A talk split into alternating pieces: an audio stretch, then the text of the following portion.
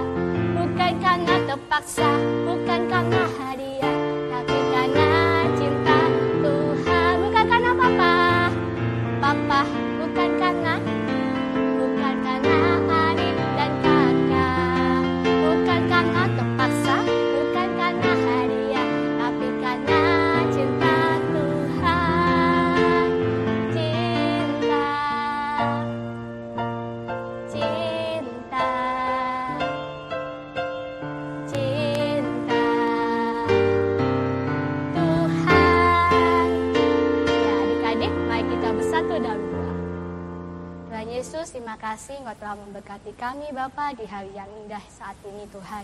Dan setelah lagi kami akan memulai ibadah kami pada hari ini berkati dari awal hingga akhirnya. Hanya dalam namamu kami berdoa. Amin.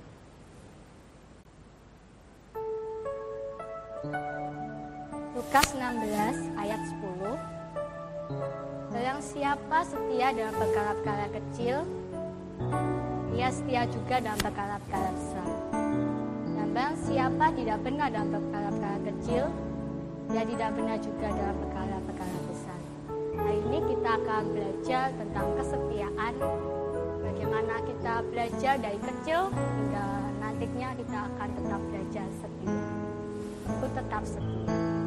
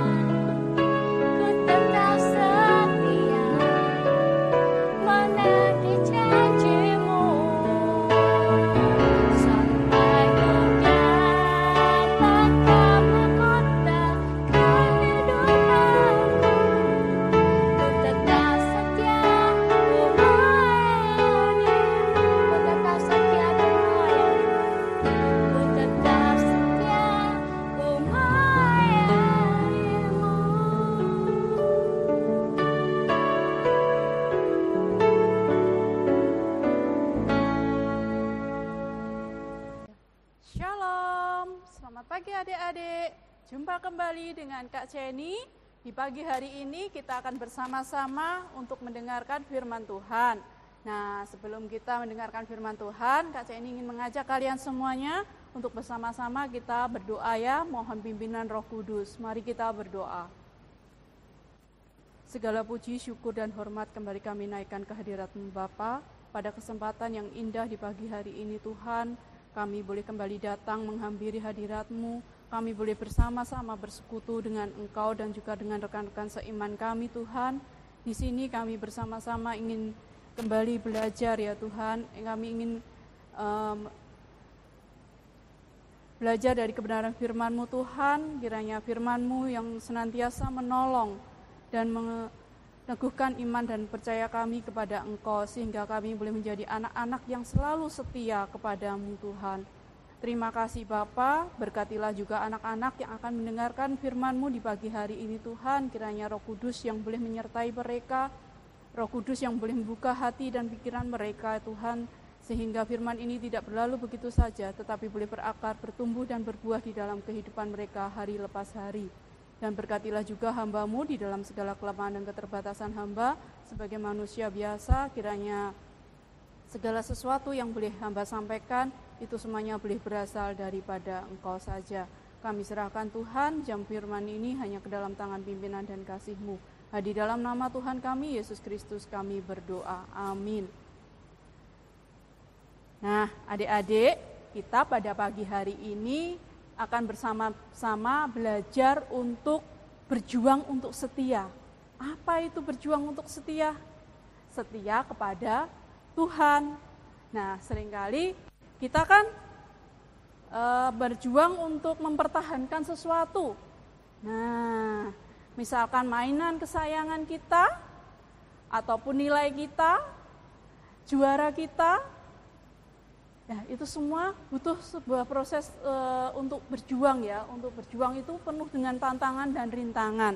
Seperti yang kita akan baca bersama-sama, kita akan lihat dari audio kita dari Keluaran 31 ayat 18 sampai Keluaran 32 ayat 20. Dan Tuhan memberikan kepada Musa setelah ia selesai berbicara dengan dia di Gunung Sinai kedua loh hukum Allah, loh batu yang ditulisi oleh jari Allah. Ketika bangsa itu melihat bahwa Musa mengundur-undurkan turun dari gunung itu, maka berkumpullah mereka mengurumuni Harun dan berkata kepadanya, Mari, buatlah untuk kami Allah yang akan berjalan di depan kami, sebab Musa ini orang yang telah memimpin kami keluar dari tanah Mesir. Kami tidak tahu apa yang telah terjadi dengan dia. Lalu berkatalah Harun kepada mereka, Tanggalkanlah anting-anting emas yang ada pada telinga istrimu, anakmu laki-laki dan perempuan, dan bawalah semuanya kepadaku. Lalu seluruh bangsa itu menanggalkan anting-anting emas yang ada pada telinga mereka dan membawanya kepada Harun. Diterimanyalah itu dari tangan mereka, dibentuknya dengan pahat, dan dibuatnyalah daripadanya anak lembu tuangan. Kemudian berkatalah mereka, Hai Israel, inilah Allahmu yang telah menuntun engkau keluar dari tanah Mesir. Ketika Harun melihat itu, didirikannya mesbah di depan anak lembu itu. Berserulah Harun, katanya, Besok hari raya bagi Tuhan. dan keesokan harinya, pagi-pagi, maka mereka mempersembahkan korban bakaran dan korban keselamatan. Sesudah itu, duduklah bangsa itu untuk makan dan minum. Kemudian bangunlah mereka dan bersukaria. Berfirmanlah Tuhan kepada Musa, Pergilah, turunlah, sebab bangsamu yang kau pimpin keluar dari tanah Mesir telah rusak lakunya. Segera juga mereka menyimpang dari jalan yang kuperintahkan kepada mereka. Mereka telah membuat anak lembu tuangan, dan kepadanya mereka sujud menyembah dan mempersembahkan korban sambil berkata, Hai Israel, inilah Allahmu yang telah menuntun engkau keluar dari tanah Mesir. lagi firman Tuhan kepada Musa, Telah kulihat bangsa ini, dan sesungguhnya mereka adalah suatu bangsa yang tegar tengkuk. Oleh sebab itu biarkanlah aku, supaya murkaku bangkit terhadap mereka, dan aku akan membinasakan mereka. Tetapi engkau akan kubuat menjadi bangsa yang besar. Lalu Musa mencoba melunakkan hati Tuhan Allahnya dengan berkata, Mengapakah Tuhan murkamu bangkit terhadap umatmu yang telah kau bawa keluar dari tanah Mesir dengan kekuatan yang besar dan dengan tangan yang kuat?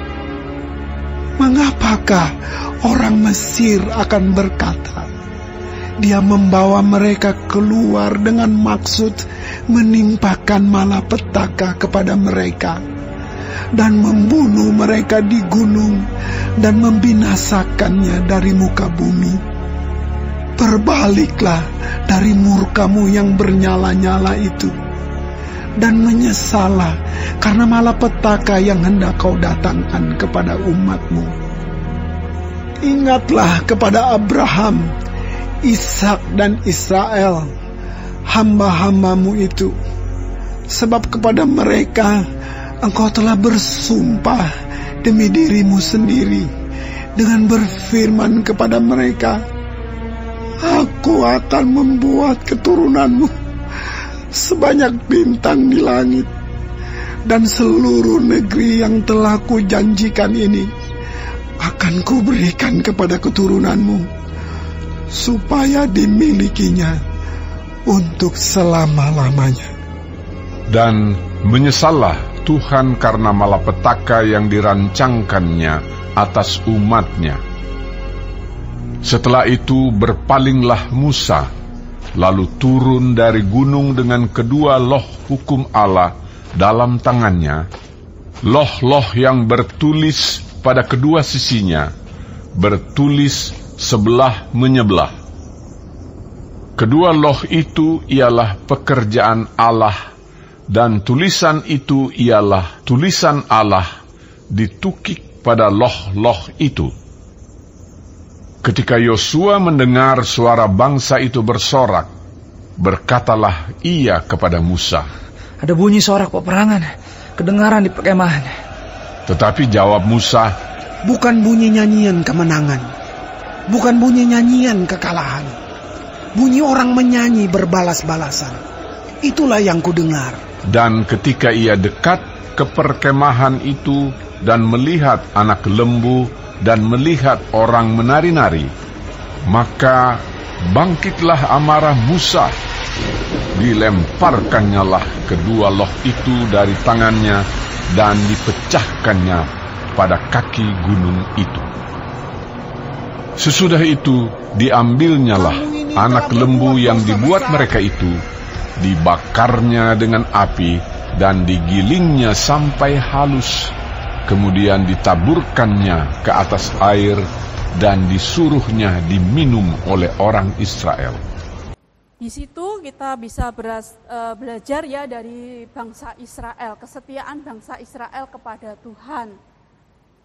Nah, uh, sering kali di zaman apa ya kehidupan yang serba nyaman, serba, serba modern saat ini kita sering kali dihadapkan oleh begitu banyak tantangan dan rintangan untuk mempertahankan iman percaya kita kepada Tuhan, kesetiaan kita kepada Tuhan. Nah, ada, kita boleh belajar dari bangsa Israel yang bangsa yang begitu dikasihi oleh Tuhan, disayangi oleh Tuhan ya. Tuhan telah membebaskan penderitaan bangsa Israel dari penjajahan di Mesir. Nah, kita lihat dengan tangan yang kuat Tuhan sudah membebaskan bangsa Israel dari orang-orang Mesir ya dari kejamnya Raja Firaun. Mulai dari e, menyeberangi sungai Yordan ya. Nah, terus di Tuhan juga tidak membiarkan begitu saja bangsa Israel berjalan sendirian, tetapi Tuhan selalu menyertai. Ya. Tuhan selalu menyertai Tuhan selalu mencukupkan semua kebutuhan bangsa Israel mulai dari makanan, minuman sehingga mereka tidak kehausan ya. Ketika mereka haus, mereka di, uh, Tuhan merubah air pahit menjadi manis ketika di Mara ya, di Meribana. Tuhan juga memimpin bangsa Israel di padang gurun yang begitu panas, kalau malam begitu dingin dengan tiang awan dan tiang api sehingga bangsa Israel tetap bisa berjalan kalau siang hari mereka tidak kepanasan dan kalau malam hari mereka juga tidak kedinginan. Nah, bukan hanya di situ saja, tetapi Tuhan juga memelihara bangsa Israel dengan roti mana dan burung puyuh.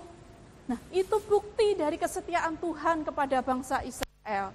Tetapi kita lihat bagaimana uh, balasan bangsa Israel kepada Tuhan. Ketika Nabi Musa naik ke atas gunung Sinai untuk menghadap Tuhan ya. Nah, Tuhan memberikan dua loh batu yang ditulis oleh tangan Tuhan sendiri. Itu supaya e, bangsa Israel ini tetap berjalan, tetap hidup di jalan yang Tuhan kehendaki.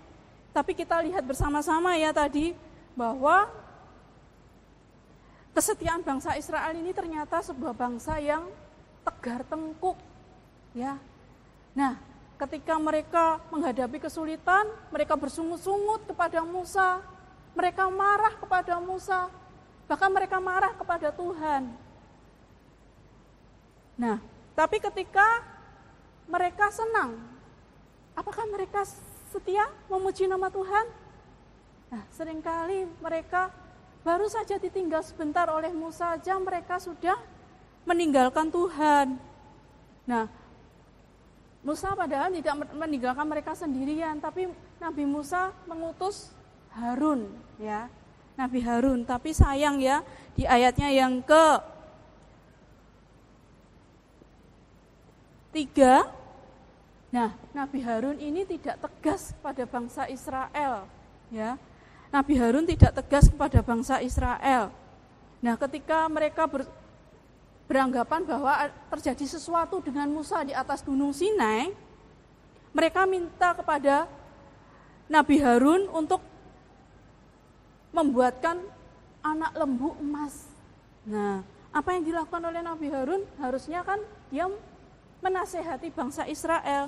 Tapi yang terjadi malah nah Nabi Harun ini menurut ya mereka dia tidak bisa uh, tidak berani untuk melawan bangsa Israel atau menasehati bangsa Israel untuk tetap setia kepada Tuhan.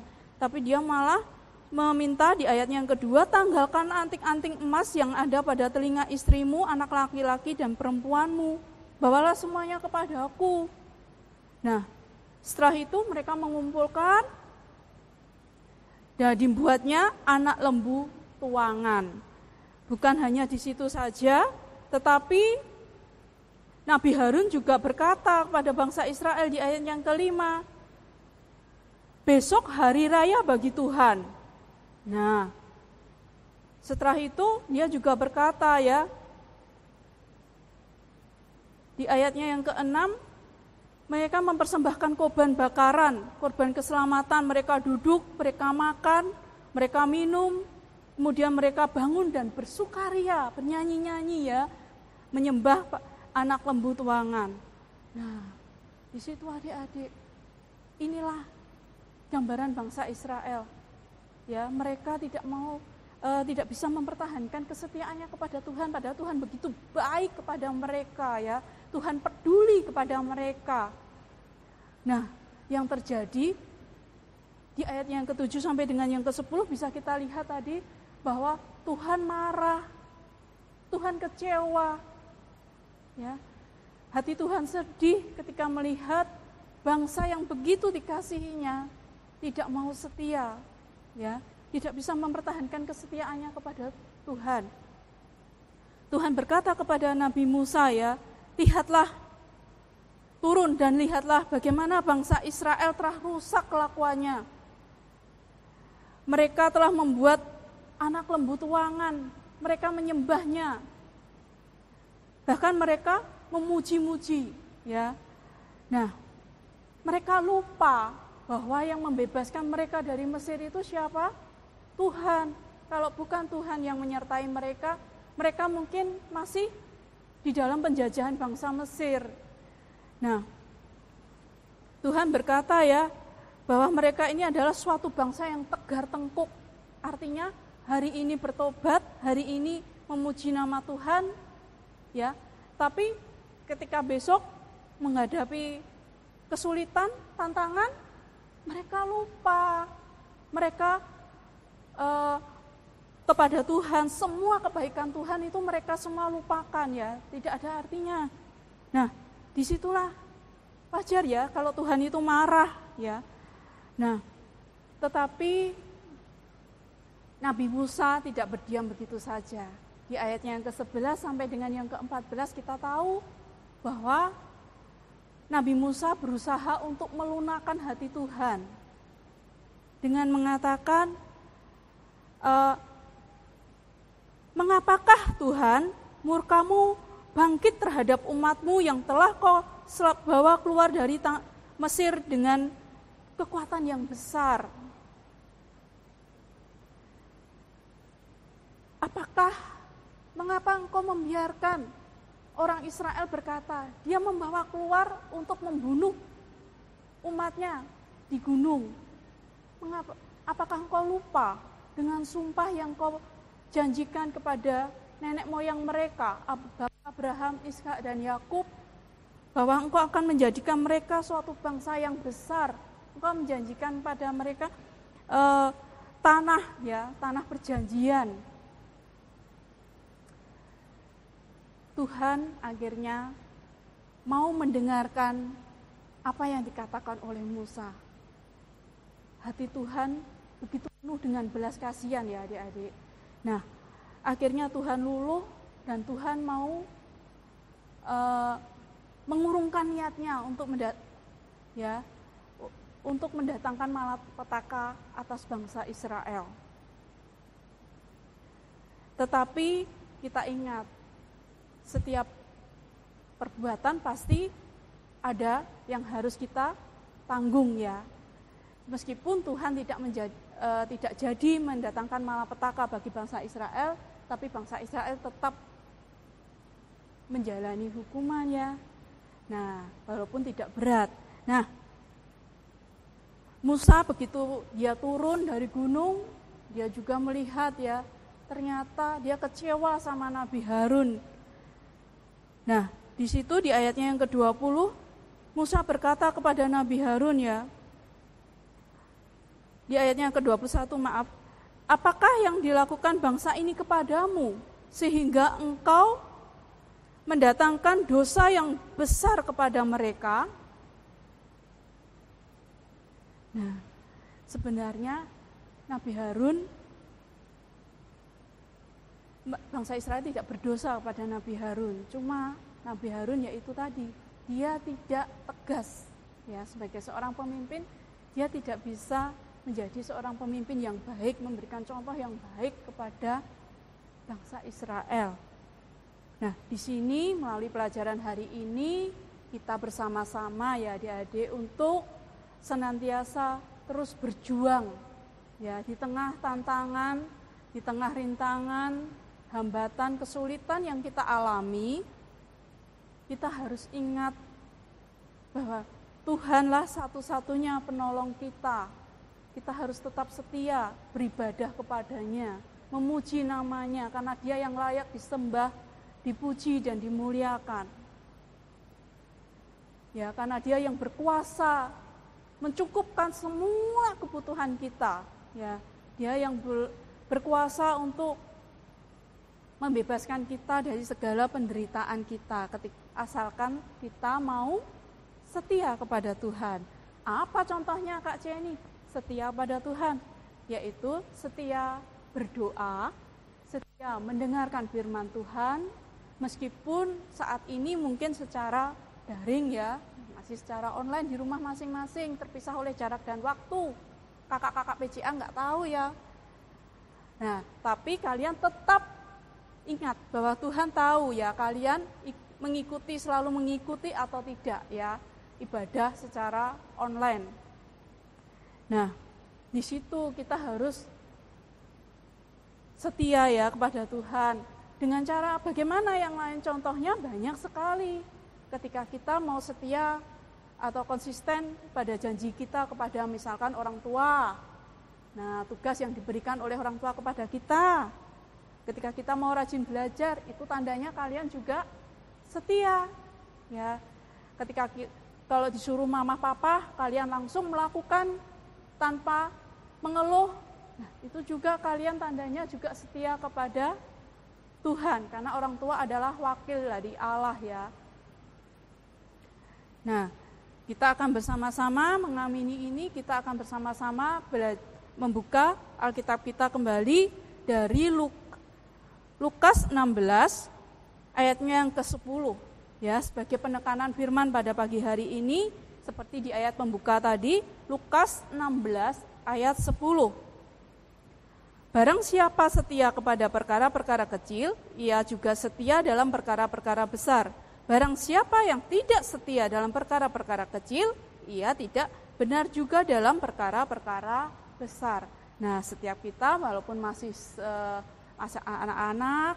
Nah, masih ini tapi ketika kita mau setia dalam perkara-perkara yang kecil, sederhana, seperti yang Kak Ceni sebutkan tadi, kita juga kan ketika perjalanan hidup kita masih panjang ya, kita akan tetap mau setia, ya, kita akan tetap setia kepada Tuhan, apa pun itu rintangan dan halangan yang menghadang ya, kita tetap mau setia mempertahankan iman percaya kita kepada Tuhan. Nah, Tuhan juga berjanji ya ketika kita mau setia kepadanya, kita mau berharap kepadanya, dikatakan bahwa berbahagialah setiap orang yang selalu mengandalkan Tuhan, yang hidupnya selalu menaruh ditaruh pada dalam rencana dan kehendak Tuhan ya. Hidupnya itu seperti uh, tumbuhan yang hidup di tepi air, yang tidak akan pernah kehausan, yang tidak akan pernah kekurangan. Tuhan akan selalu mencukupkan, ya. Nah, sebelum Kak Ceni ngakhiri firman Tuhan pada pagi hari ini, Kak Ceni juga ingin uh, menyampaikan satu tugas untuk minggu ini. Kak Ceni ingin adik-adik membuat contoh-contoh lain ya contoh-contoh kesetiaan misalkan berupa cerita mungkin nah bisa dikirimkan ke wali kelas masing-masing ya. Kak Ceni tunggu tiga yang tercepat. Nah, sampai di sini firman Tuhan adik-adik, Tuhan Yesus memberkati. Amin. Ya, kita akan bersama-sama berdoa. Kita mau naikkan syafaat kita kepada Tuhan ya, adik-adik. Mari kita berdoa.